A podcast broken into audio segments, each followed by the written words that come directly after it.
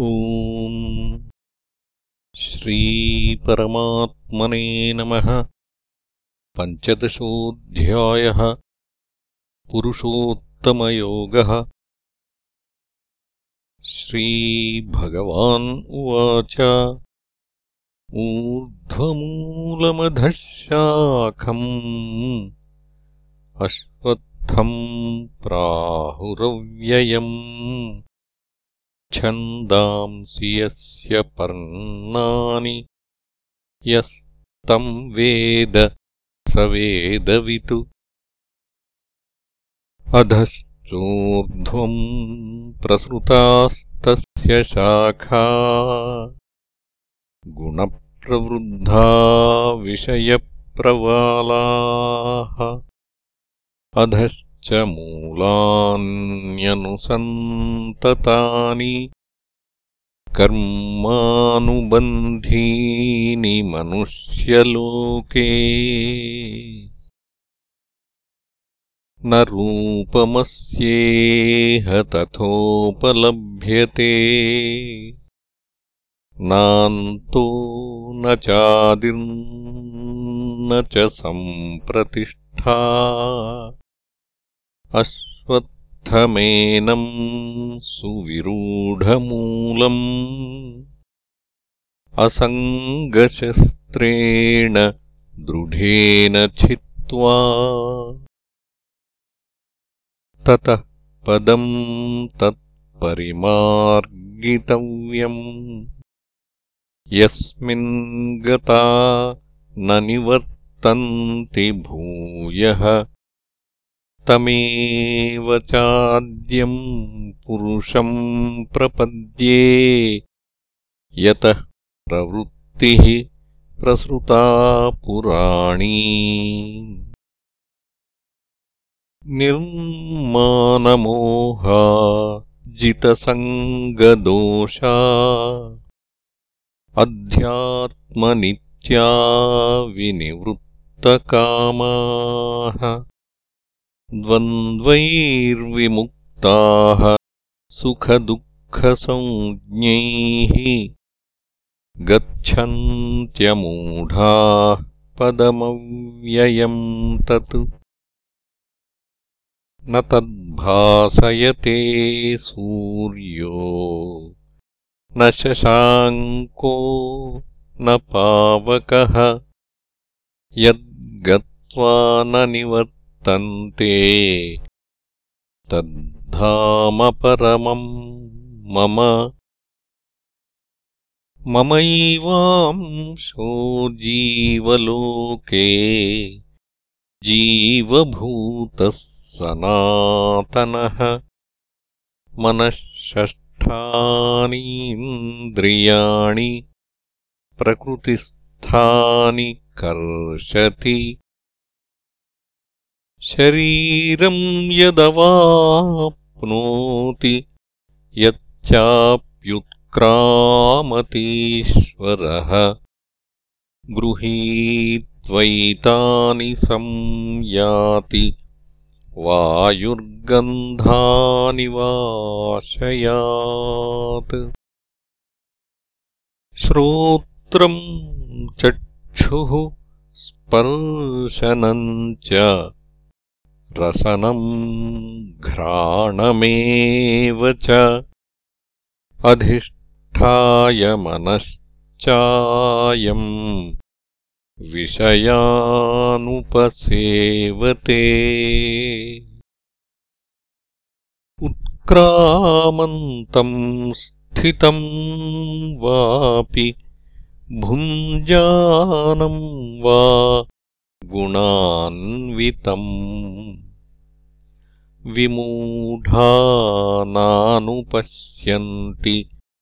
पश्यन्ति ज्ञानचक्षुषः। यतन्तो योगिनश्चैनम् पश्यन्त्यात्मन्यवस्थितम् यतन्तोऽप्यकृतात्मानो नैनम् पश्यन्त्यचेतसः। यदादित्यगतम् तेजो जगद्भासयतेऽखिलम्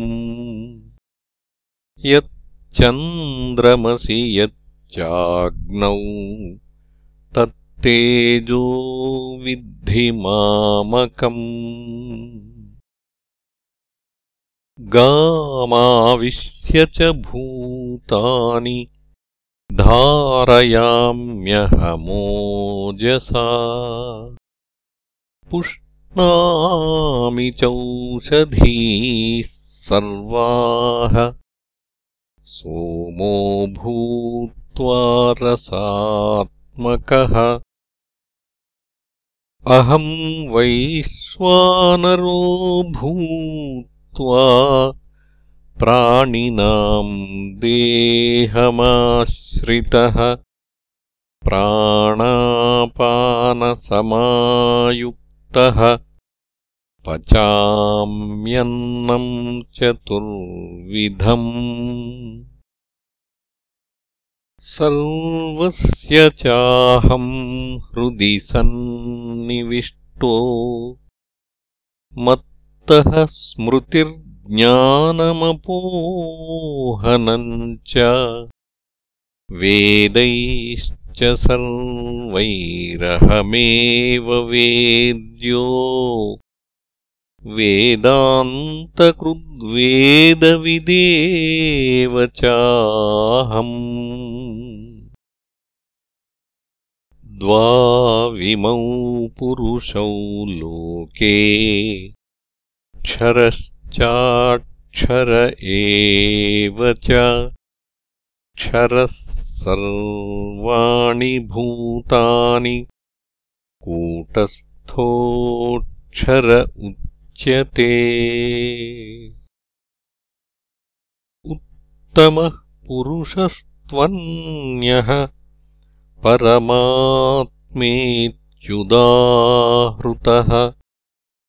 यो लोकत्रयमाविश्य बिभर्त्यव्यय ईश्वरः। यस्मात् क्षरमतीतोऽहम् अक्षरादपि चोत्तमः अतोऽस्मि लोके वेदे च प्रथितः पुरुषोत्तमः। यो मामेवमसम्मूढो जानाति पुरुषोत्तमम्। स सर्वविद्भजति माम् सर्वभावेन भारत। इति गुह्यतमम् शास्त्रम्। इदमुक्तम् मया नघ। एतद्बुद्ध्वा बुद्धिमान् स्यात्। कृतकृत्यश्च भारत